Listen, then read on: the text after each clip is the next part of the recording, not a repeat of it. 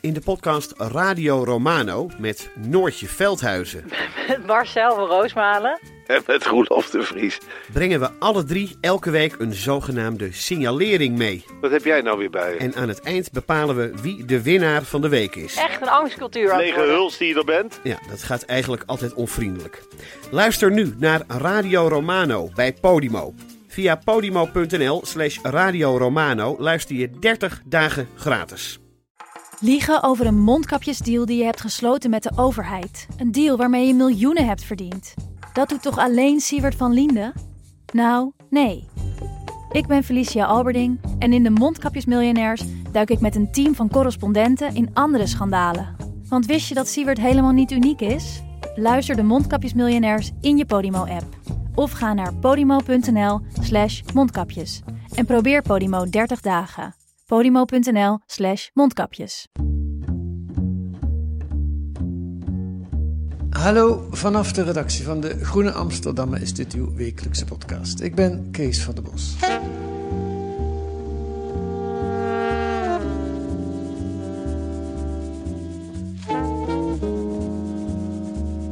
Elke week brengt de post u als trouwe abonnee op de Groene weer een mooi blad, maar ook een portie schuldgevoel. Het begint er al mee dat je achterloopt.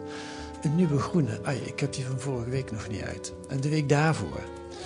En wat je leest stemt meestal niet vrolijk. Goed uitgezochte verhalen, doorvrochte analyses, dat wel, maar aan het eind wordt toch vaak een apocalyptisch beeld geschetst. Maar, beste luisteraar, deze week is het allemaal anders. Goed uitgezocht, dat blijft natuurlijk, maar een feestelijk verhaal over Nederland als gaaf land in 2050. Wat zou er gebeuren als al die fraaie, duurzame plannen en akkoorden nou eens echt uitgevoerd werden? De harde kern van de redactie is aangetreden om u daarover positief te berichten. Hier zitten Jaap Tielbeke, Koen Hagens en Evert de Vos. Welkom, heren. Dankjewel. Ja, Ehm, eerst even de vierde man noemen, Emiel Smits. Die is er vandaag niet bij, maar die heeft wel meegeschreven aan de productie. ja, zeker, zeker. Goed. Ehm, Evert, wat is er in jullie gevaar? Waarom dit verhaal? Ja, waarom dit verhaal? Nou, gedeeltelijk omdat we wel zagen, we bespreken ook vaak het blad nou, op de redactie en die zeggen, oh nou, het was, was, was, was, was geen vrolijk verhaal dit nummer eh, van deze week. Het was weer zwaar Het deze was weer zwaar deze week. Het is kommer en kwel. En het is lang niet altijd zo.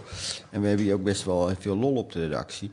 Eh, maar dit was een soort omdraaiing die tot stand kwam. Maar, maar eh, we wilden met, met Prinsjesdag wat verder kijken. Want als de week van Prinsjesdag komt dit nummer uit. We wilden wat verder kijken van, van, van ehm, hoe het dan met Nederland toe gaat. Nu is het van crisis naar crisis. Maar als je nou op de lange termijn kijkt, waar- hoe kom je nou uit? Toen kwam op 2050 en er zijn allemaal eh, akkoorden over gesloten. Plannen worden gemaakt, noem maar op.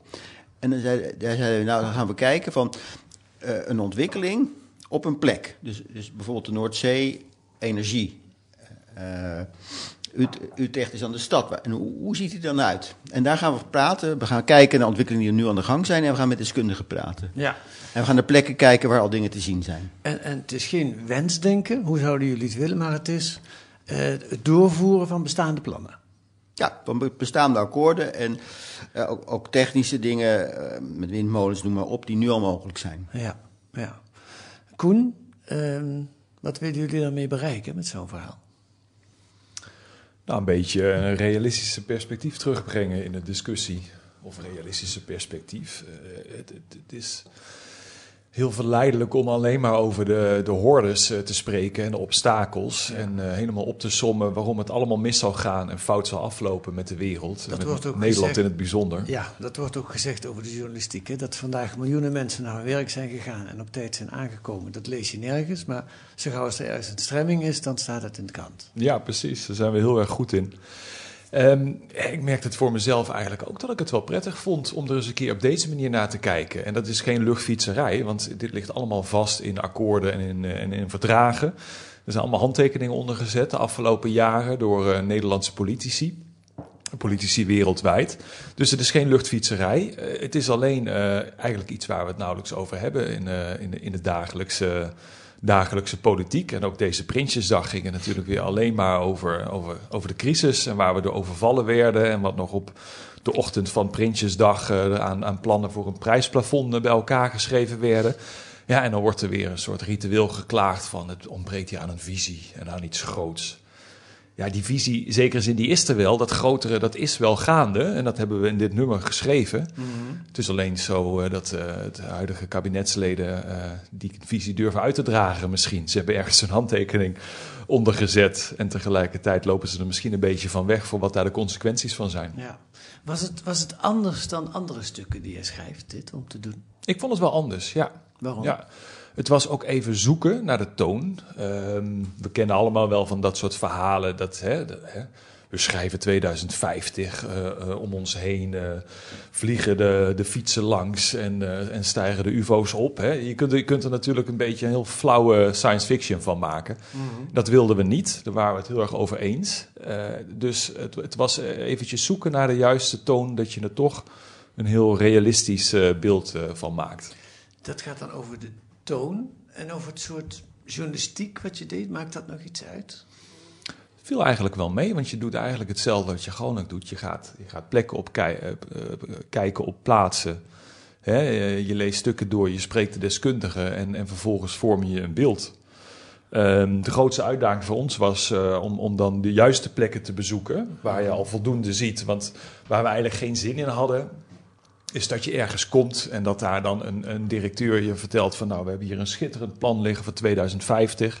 Hè, we hebben dan 100% minder uitstoot, we hebben 100% circulariteit, we hebben nul stikstof meer. Ja, allemaal dat soort uh, beloften die behoorlijk uh, gratis zijn, gratuit zijn, zolang je er helemaal niks mee doet. Dus we, we moesten op zoek naar de plekken waar je ook ziet dat er daadwerkelijk werk van wordt gemaakt. Natuurlijk is het niet zeker dat het dan allemaal gehaald wordt in 2050, maar waar je wel die wereld van 2050 nu al ziet ontstaan. Ja, en, en zoals gezegd, op basis van plannen die er gewoon, voornemens die er al zijn. Jaap zit een beetje te schudden.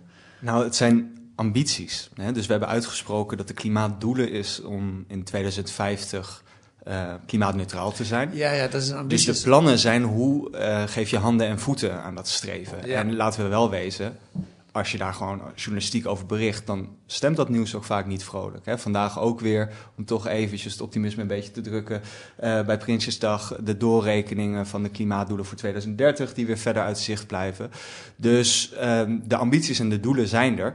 Maar door al dat nieuws zou je bijna vergeten dat die doelen wel degelijk haalbaar zijn. Dat het wel degelijk kan. Dus vandaar ook die omdraaiing van mm -hmm. wat nou als we die doelen als uitgangspunt nemen. Dus we parkeren heel even de vraag naar politieke haalbaarheid. En kijken wat is er dan mogelijk en hoe, ook niet de moeilijke keuzes ontwijken, maar hoe kan het land er dan uitzien? En nou ja, ik denk als je dit stuk leest, dan hoeft dat helemaal geen uh, vervelend land te zijn. Dan word ik daar best hoopvol en vrolijk van. Hm. En ik denk dat dat ook best een perspectief is die je wat vaker uh, ook in de groene terug mag lezen. Want ik, ik, ja, ik maak me daar zelf natuurlijk ook schuldig aan. Dat uh, als je mijn verhalen over het klimaat leest, dan blijf je ook zelden achter met het gevoel van, nou, het wordt. Uh, Tot een feestje. Komt wel, goed. Wordt, wordt, komt wel goed. Uh, en dat komt het ook zeker niet zomaar, maar ja. dat het wel degelijk mogelijk is, dat vond ik wel een, uh, ja, een prettige gedachte. Ja. Ja. Het is ook een beetje een medicijn tegen de klimaatskepsis nieuwe stijl. Hè? Ik bedoel, er is heel lang natuurlijk gewoon ontkenning geweest vanuit dat kamp. Ja. Is geen opwarming van de aarde. En, en de trend de laatste jaren is toch meer een beetje dat ze dat heel stiekem, eigenlijk zonder het zelf toe te geven, hebben losgelaten. En dat ze dan wel toegeven dat er klimaatverandering is, maar altijd met het verhaal van ja we kunnen toch niks doen. Het heeft toch helemaal geen zin meer. En laat staan dat we als Nederland in ons eentje daar iets aan kunnen veranderen. Eigenlijk is dit, dit onderzoek daar een beetje een, een, een medicijn tegen om te laten zien van nou. Ja, je zult er echt je best voor moeten doen. Ja. Maar het is toch echt niet zo dat we machteloos staan. Nee, het verhaal van de Telegraaf is als, je, als wij ons, Nederland onze klimaatdoelen halen, dan scheelt dat 0,001 of zo graad in de, in de totale opwarming van de aarde. Dus waarom zouden we ons best doen? Hier, als ik jullie stuk lees, dan word je wel gemotiveerd om je best te doen. Want het, het leven wordt een stuk vrolijker. Ja, Denk Ja, ik. zeker, Is dit nou even constructieve journalistiek? Je zou het bijna zeggen. ik heb het niet met dat doel gemaakt van, oh, we gaan nu samen lekker constructieve Nee. journalistiek... eh, Misschien moeten we dat even uitleggen. Dat is een trend de laatste jaren in de journalistiek. Eh, de, de Hogeschool Windesheim in Zwolle die maakt er nogal werk van. Misschien elders ook wel. Maar constructieve journalistiek eh, heeft, voor, eh, ik- laat ik het even in mijn woorden zeggen, heeft als doel om niet alleen de misstanden aan te kaarten, maar ook de lezer hoop te geven en zicht op mogelijke oplossingen. Zeg ik het zo goed? Ja, zeker, zeker, zeker. En dat je dat ook dan in elk stuk doet. En dat, dat doen we zeker niet altijd. Eh, maar ja, dit, nu zijn we wel zeer constructief bezig. Ja. Eh, Constructief bezig natuurlijk. Maar het is ook zo, als, als, als we mensen hadden ontmoet die, die hadden gezegd... ja, maar dat is niet, eh, we halen het hier gewoon niet en het kan niet en het is onmogelijk... dan hadden we het ook opgeschreven. Het is niet per se dat wij met een roze bril zijn gaan kijken. Nee. We zijn met een reële bril gaan kijken van liggen er reële plannen om dit aan te pakken. En, en de terrein waar ik ben geweest... De, de grap is dat als je mensen vraagt over 2050 en wat moet er dan gebeuren en wat kan er gebeuren, wat is haalbaar, dan is bijna iedereen is het daarover eens.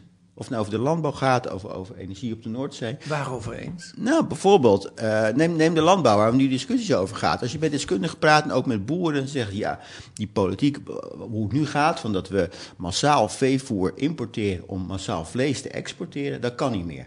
Daar moeten we vanaf. Op korte termijn en zeker in 2050. En hoe die landbouw dan eruit ziet, daar zijn mensen het ook wel heel redelijk over eens. Dat de eh, eh, eh, chemische gewasbeschermingsmiddelen eruit moeten.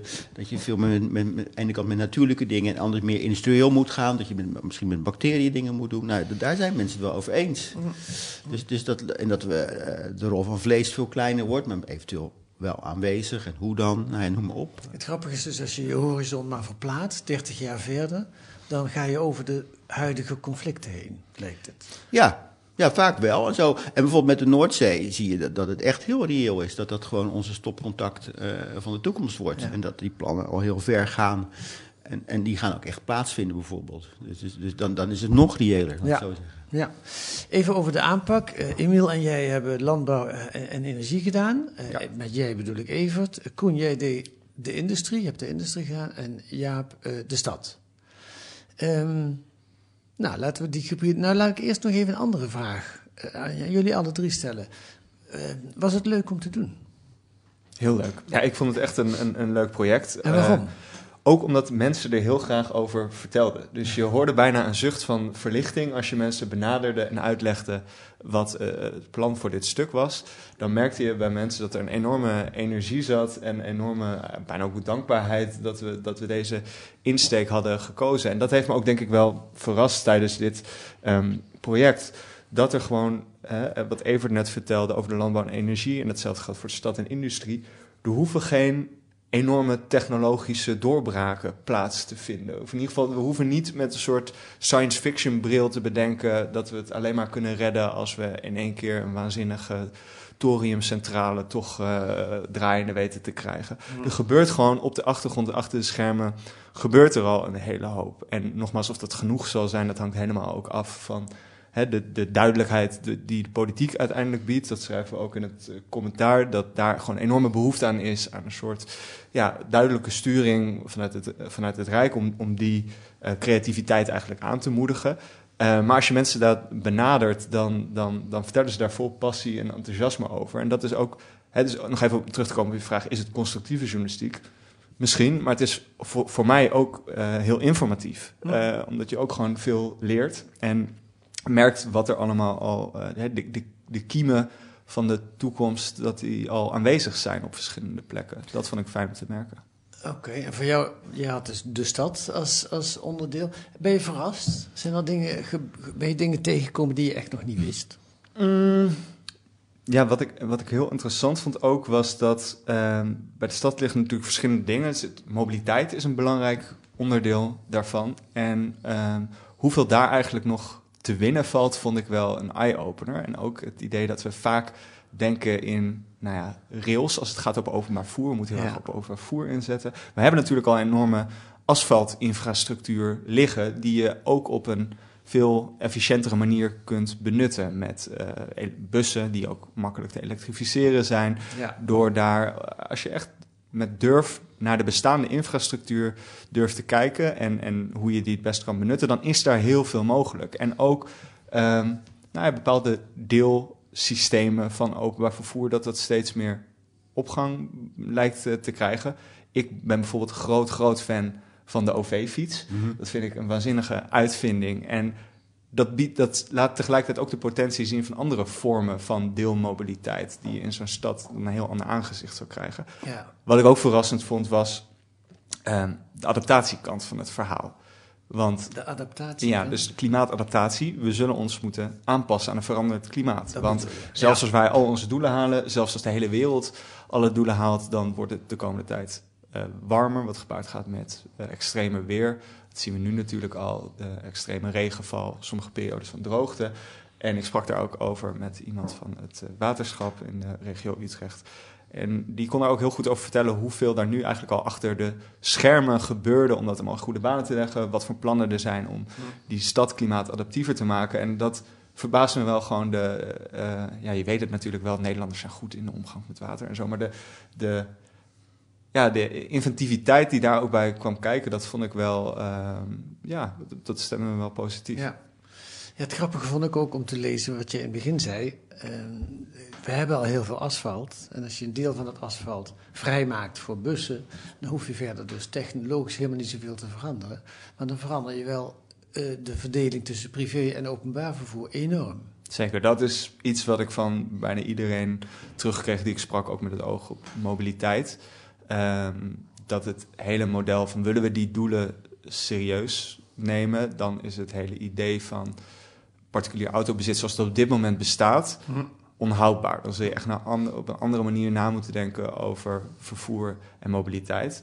Dus nog de vraag van ja, hoe, hoe verleid je daar mensen toe? Want Nederlanders zijn toch vrij gehecht aan een eigen auto voor de deur. En eh, heus niet iedereen zal die ehm, weg gaan doen. Maar binnen de stad liggen daar echt veel plannen en mogelijkheden om dat overbodig te maken. En ik denk ook dat het voor een groot deel gaat over eh, de toegankelijkheid van zulke openbaar vervoerssystemen of, of semi-openbaar vervoers, dat het wel private aanbieders zijn van, van eh, deelverkeer. Dat merk je, dat, ook daarbij merk je nu al dat je eh, de deelauto's van verschillende bedrijven overal in steden ziet oppoppen. Als die trend zich doorzet en het gaat gepaard met het afbouwen van eh privéautobezit, dan valt er enorm veel winst te houden. Niet alleen op het vlak van klimaat trouwens, maar ook met leefbaarheid en gezondheid Ja. binnen de stad. En Ja. Dus dat aantrekkelijke beeld, dat kan wel extra motiveren, denk ik. Ja, ja waarbij het dan, dat is dan een beetje toekomstmuziek, wel handig zou zijn als die bussen straks op die busbanen allemaal zonder chauffeur rijden en automatisch eh, zichzelf besturen. Maar dat hoeft Ja, nog voor mij eens. hoeft dat niet eens zo nodig. nee. Dat, dat, vinden, dat vinden mensen die technologisch eh, eh, ja, die ontwikkeling helemaal voor zich zien. Die vinden dat fantastisch, een Ja. smart system zonder Ja. bestuurders. Maar waarom zouden we geen buschauffeurs erop kunnen zetten? Nou, dat, Koen, ehm, de industrie. Wat mij opviel uit jouw deel van het verhaal is dat ehm, het verhaal kent ook verliezers. En die zitten vooral, denk ik, als ik het zo las, bij de industrie. Leg Ik denk uit. dat die overal wel zitten hoor. Die, die zin heb ik een klein beetje mijn twijfels over de term constructieve journalistiek. En dat er geen conflicten zijn in 2050. Want eh, als je goed leest, dan zitten ze overal in het verhaal zitten ze wel. Hè, hoe, doe je met, hoe ga je met bevolkingsgroei om bijvoorbeeld? Ehm, hoe zit dat met die auto's? Er zullen mensen heel, toch heel erg gehecht aan zijn. Een auto is ook hè, je eigen ingerichte plek. Vrijheid, eh, die is helemaal van jou. Ja, daar zit natuurlijk een sentiment aan. En eh, in die economie eh, bijvoorbeeld, is toch wel de verwachting dat als je spullen zo duurzaam en circulair gaat maken, ja, dan worden ze wat duurder. Je hebt geen wegwerpmaatschappij meer. Dus ook niet meer die hele spotgoedkope dingen die je nu hebt. Dus dat betekent, heel hard gezegd, dat er wat koopkracht afgaat. Hm. Krijg je betere spullen en mooiere spullen en misschien fijnere ervaringen voor terug. Dat weet ik wel zeker trouwens, dat laatste, die fijnere ervaringen. Mhm. Krijgt er een, mo- een mooi schoon land ook voor terug. Maar het is wel eh, een breuk met het verleden. En dat zullen sommige mensen heel vervelend vinden. Ja. ja, maar net als bij de boeren, dan komen we daar bij jou even. Mhm. Maar de, de intensieve industrie, daar liggen nu al bedrijven uh, stil. Uh, dat, was het, dat was het bijzondere, dat tijdens het, verhalen, uh, het, het, het, schrijven van dit verhaal... eigenlijk de geschiedenis een heel eind naar voren werd gehaald... en in een stroomversnelling kwam. Door de stijgende energieprijs. Door die stijgende energieprijs. Want eigenlijk was het verhaal van de mensen die ik sprak van... Hè, straks in de toekomst als die CO2-prijzen gaan, gaan stijgen... Hè, als de energie minder voorhanden is dan krijg je een ontwikkeling dat het veel duurder is. En dan komt er een soort grote nou ja, sanering eigenlijk op gang van de Nederlandse economie. Namelijk in, uh, die hele energie-intensieve bedrijven die sinds de vondst in Slochteren in Groningen allemaal in Nederland zijn neergestreken vanwege het goedkope gas. Die gaan dan verdwijnen. Maar dat was iets van, hè, dat zie je ook nog in de, in de oudere uh, klimaatambities, dat was iets zo van tegen 2030. We zitten nu uh, ruim vijf jaar eerder en in één keer is het al gebeurd. Ja, Terwijl ik het schreef, uh, werden de, de, de aluminiumsmelters en de zinksmelters en de, de stikstoffabrieken platgelegd. Ja. Ja, en het zal nog verder gaan. Ook die intensieve landbouw in kassen teelt. nou ja, kas, kassen is nou echt zo'n voorbeeld. Hè?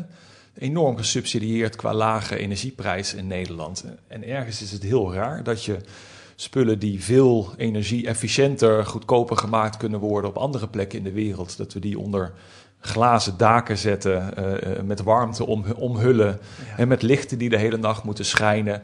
Uh, dat we dat in Nederland doen. Ja, en, en dat zal hele pijnlijke discussies opleveren. Kijk nu al naar de, hè, wat, wat, wat het debat is, de roep om, om overheidssteun voor ondernemers uh, die, die in de problemen komen met de hoge energierekening. Ja. Maar je moet je er wel op, op, op instellen dat die tijd van die hele goedkope energie niet meer terugkomt. Dus uh, ja, wat je nu uitgeeft aan belastinggeld om ondernemers en ondernemingen overeind te houden, dat kan weggegooid blijken als die ondernemingen, bijvoorbeeld tuinders, maar ook zo'n uh, zo'n stikstoffabriek of stikstof uh, kunstmestfabriek, als die straks alsnog failliet gaan hm. of naar een ander land vertrekken. Ja. En tegelijkertijd, ja, de term blijft nu deelt vallen, dat is dan misschien weer constructieve journalistiek. Maar tegelijkertijd lees je ook in jouw stuk DSM of Gimmelot. Dat is eigenlijk een voorbeeld van een bedrijf toen de mijnen dichtgingen. Eh, wat was het, eind jaren 60 in Nederland. Was ook een ramp. Hele mensen werden werkloos, hele industrieën verdwijnen. De, DSM heeft zich helemaal moeten omvormen tot een ander chemisch bedrijf, omdat die, die code wegvielen. Um, dat, is ook, dat vond ik wel weer hoopvol aan het verhaal. Het is ook gewoon, die veranderingen vinden voortdurend plaats. Voortdurend, ja. Het is, het is ook slechte journalistiek volgens mij als je alleen maar kijkt in de economie dan hè, naar wat er verdwijnt. Ja. er zijn altijd uh, ondernemingen waar een heel tragisch verhaal over te vertellen is die failliet gaan. En dat is ook tragisch uh, voor de mensen die het betreft en die echt niet onmiddellijk uh, die nieuwe baan misschien hebben, die nieuwe levensvervulling. Ja. Maar het is wel wat al honderden jaren gebeurt. Sommige uh, bedrijven verdwijnen, sommige sectoren verdwijnen en dan komen er andere voor in de plaats. En dat zal in Nederland ook zo zijn. Zeker als Nederland het een beetje slim aanpakt, dan verdwijnt die energie-intensieve industrie. En ja, uh, daar hangt er dus heel erg van af of Nederland een beetje voorop durft te lopen en nu zeg maar, het, het, het juiste klimaat daarvoor schetst. Maar de, Nederland zou een prima plek kunnen zijn voor bedrijven die juist voorop willen lopen met energiebesparing, met groen produceren, hè, met elektrificatie. Dat, inzicht, hè, dat het eigenlijk van alle tijden is, en dan ga ik naar jou even, dat, mis, dat mis ik heel erg bij de boeren. De, de, de boeren die zitten alleen maar op de lijn van wij willen door waar we mee bezig zijn. Ja, ze zitten, zitten natuurlijk in de mal waar ze door, door de overheid en door de banken ingeduwd zijn. En ze hebben al heel veel veranderingen meegemaakt. Arjen Lubach had gisteren nog een leuke uitzending erover. Oh, waar, waar allemaal op een rijtje werd gezet wat ze allemaal niet de laatste 30 jaar over zich heen gehad hebben. Ja. Kijk, boeren zijn op zich niet tegen als je met ze praat tegen minder vee. Iedereen heeft het nu over uh, in de toekomst één koe per hectare. Want één koe scheidt zoveel dat je één hectare kan bemesten en dat het wordt opgenomen door de grond en dat de stikstof niet te veel is, noem maar eens maar op. Ja. Maar ja, ze hebben nu twee, drie koeien per hectare er staan. Dus dat moet de helft of. Ja, de helft of nog meer, nog moet het, moet het minder. Ja. En daar zijn ze op zich niet tegen. Uh, alleen er moet een andere inkomstenbron uh, komen. Iedereen zegt dan ook van ja, we moeten voor de, de, de blauwe en, en groene diensten gaan, uh, gaan betalen. Dus wat zij doen aan landschapbeheer, aan natuurbeheer, aan, aan watervoorzieningen, daar moeten we voor gaan betalen. Dat, dat is ook heel reëel. Want we lopen door, door als je aan het wandelen bent, jij wandelt ook veel, door, door hun landschap lopen we heen. Dat, dat zorgen zij voor mooie ervaring. Daar kan best voor betaald worden. Ja. Ze krijgen nu ook heel veel subsidie, maar dan voor productie krijgen ze subsidie. Maar dan moeten ze meer subsidie krijgen over hoe ze met het land omgaan.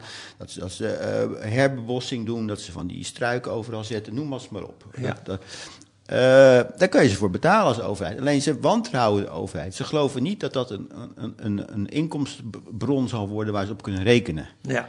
Eh, en dat wantrouwen zit heel diep. En dan zou je in gesprekken met hen, met hen zou je zover moeten, moeten komen. Ik ken ook initiatieven wel, die Imke de Boer, die gaat het nu waarschijnlijk doen, die, die hoogleraar uit Wageningen. ja, dat vond ik een interessant en deel. dus, dus dat is wel het spoor. Dat Je moet dingen. Ja, vertel daar eens meer over. Dat is een hoogleraar uit Wageningen. en Die woont zelf in een landbouwgebied. ja, die is net daar gaan wonen in Lievelde. Ja, ja, Lievelde in of In de achterhoek is het volgens mij. Ja, je moet me niet vragen, Twente achterhoek. Het ligt gevoelig, maar ik weet niet precies hoe het ligt. Oké.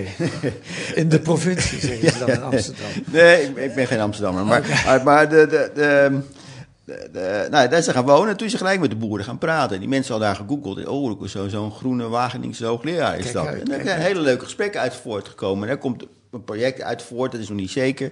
Maar dat je meer ook met boeren gaat praten. Hoe wil jij dat dan? Hoe zie jij het dan? Uitgaande van de grens die we hebben, die we van 2050. En uitgaande van één koe per hectare. Hoe zie jij dan de toekomst voor je? Hoe kan jij een business case maken van jouw bedrijf? Ja, zij is heel concreet. Met een aantal boeren gaat ze dat proberen aan Ja, te dat moet nog gebeuren, maar ze doet het nu al met in haar omgeving direct door mensen te gaan praten. Met, met, met de traditionele boeren gewoon, bij wijze van spreken. En dat, en dat gesprek zit niet helemaal dicht, laat ik zo zeggen. Het is niet dat ze al eh, na de koffie en het koekje en eh, praat over nabberschap eh, de deur wordt geweest. Nee, dat gesprek dat, dat, dat, dat speelt wel. Dus dat is heel hoopvol. Maar de wantrouwen is echt heel erg groot. En dat wordt ook gevoed door, door politieke partijen, ook wel door de, door de, de, de, eigen standsorganisaties, noem maar op, en de actiegroepen.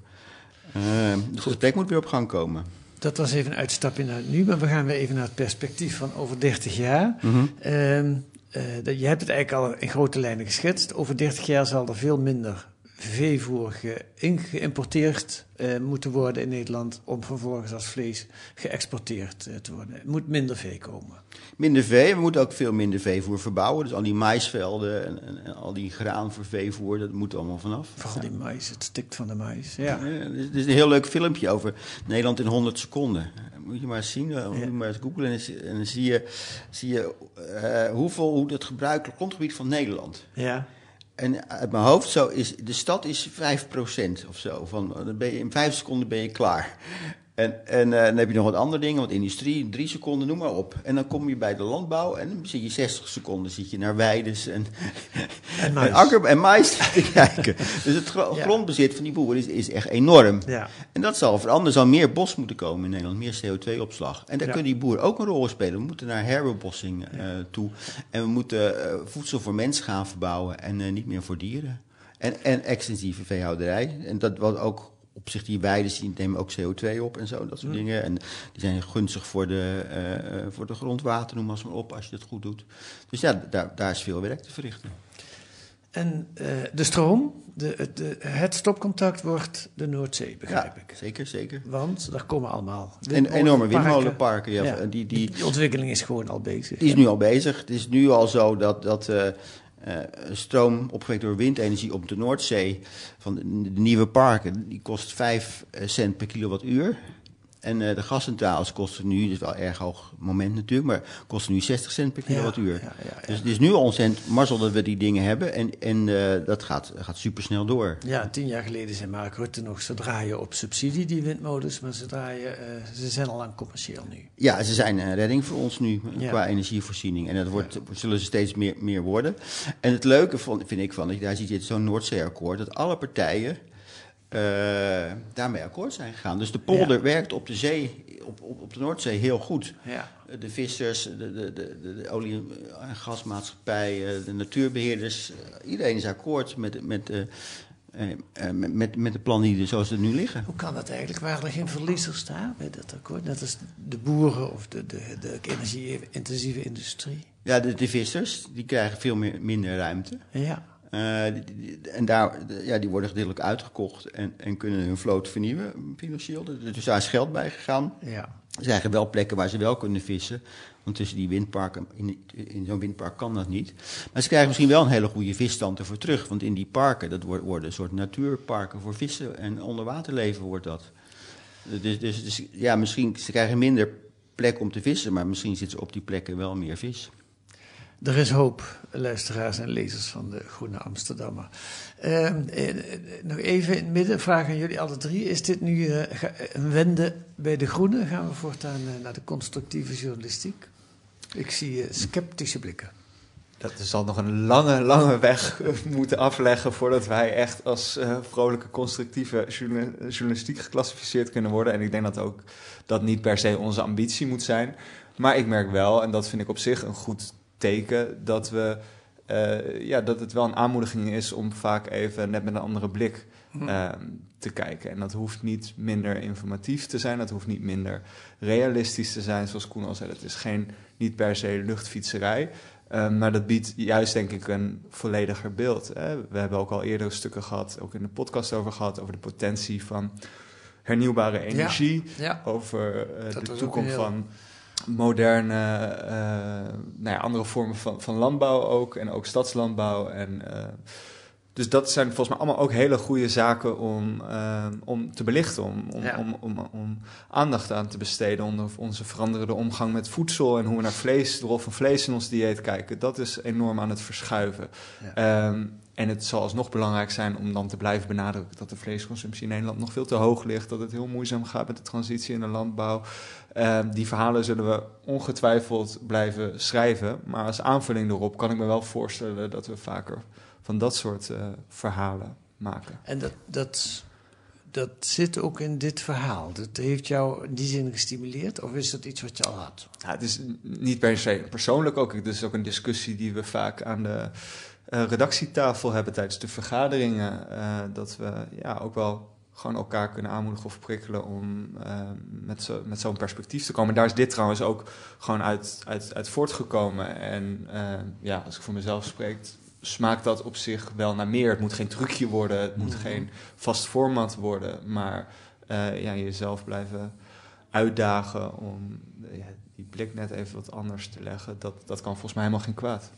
Nou ja, ik, ik ben, ik, ben, ik ben altijd wel op zoek naar, naar mensen die het heft in eigen hand nemen op een positieve manier. Die zelf aan de slag gaan met, met, met een verandering. Uh, en natuurlijk doen ze dat omdat ze geconfronteerd worden of met leed, zoals in Brazilië, of, of noem maar op, nu met Bolsonaro in de verkiezingen en zo. Maar ik vind altijd in zo'n verhaal er moet zitten van, ja, natuurlijk uh, moet je dan lezen over Bolsonaro, wat hij allemaal fout doet. Maar ik word meer gemotiveerd door, door, door reportage over jongeren die, daar uh, hard in de weer zijn om daar verandering hmm. voor elkaar te krijgen. Dus een soort empowerment. Daar, ben ik, daar zijn we altijd wel naar op zoek. Alleen we vinden het niet altijd, laat ik zo zeggen. Maar ik vind het wel belangrijk in de journalistiek dat je toch niet alleen de ellende uh, laat zien. En, en, en, maar ook er zijn altijd mensen met het goede bezig en, en die krijgen wel te weinig aandacht, denk ik. Uh, en, daar, daar, en dat doen we ons best voor. En dat lukt lang niet altijd.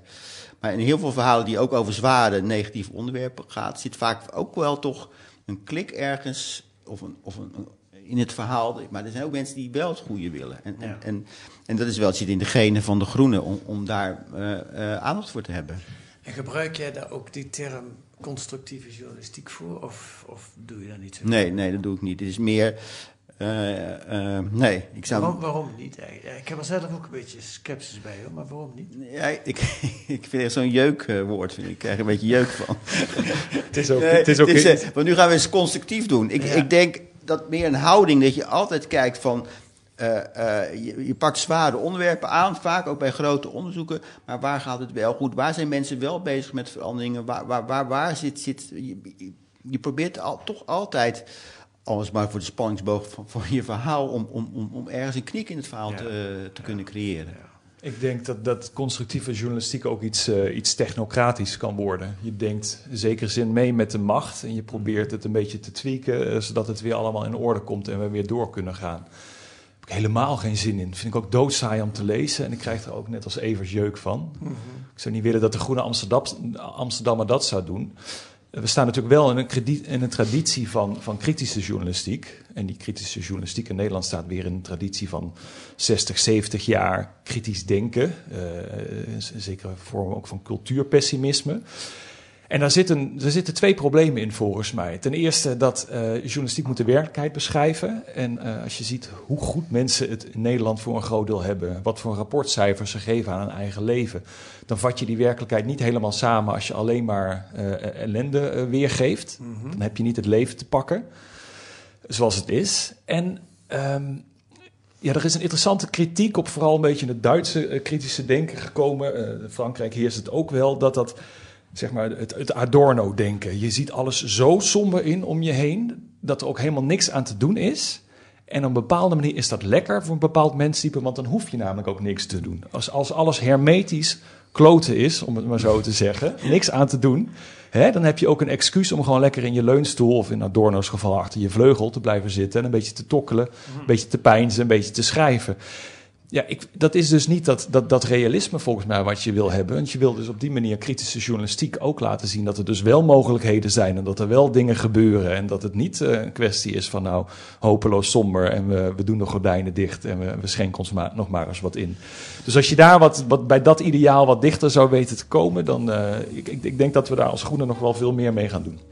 Ik denk, als je kijkt naar vernieuwing in de journalistiek, dan vind ik de laatste jaren veel meer dat er bijvoorbeeld uh, journalisten in groepen samenwerken aan oh, ja. onderwerpen. Ja. En dat is niet ook weer zo'n geval ja. van. En, en, uh, dat vorige week ook. Uh... Ja, nee, je, je, je, het is veel meer dat je in project werkt met, met, en verschillende kennis bij elkaar brengt. En, en dat, vind ik, dat, vind ik, dat vind ik met name een hele leuke ontwikkeling. En, zo. en het kan tussen de media, maar ook binnen redacties. Dat je veel meer, de, de journalisten wordt steeds minder de man of vrouw op de zolderkamer die duizend stukken zitten tikken. Maar meer, dat is, wordt meer een collectief product wordt het. En, en, en dat vind ik heel erg goed. Nou, daar is deze week een uitstekend voorbeeld uh, van. Nou, misschien wordt het wel een bewaren exemplaar van een uh, constructieve, constructieve aflevering van de Groene Amsterdammer. We gaan het meemaken. Uh, Jaap Tielbeke, Koen Hagert, even te Vos, dank jullie wel. Jij ook.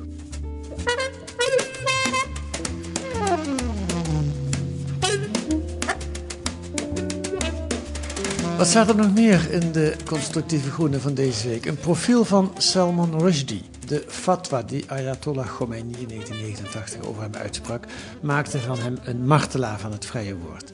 En hij leek net weer iets normaler door het leven te kunnen, tot vorige maand.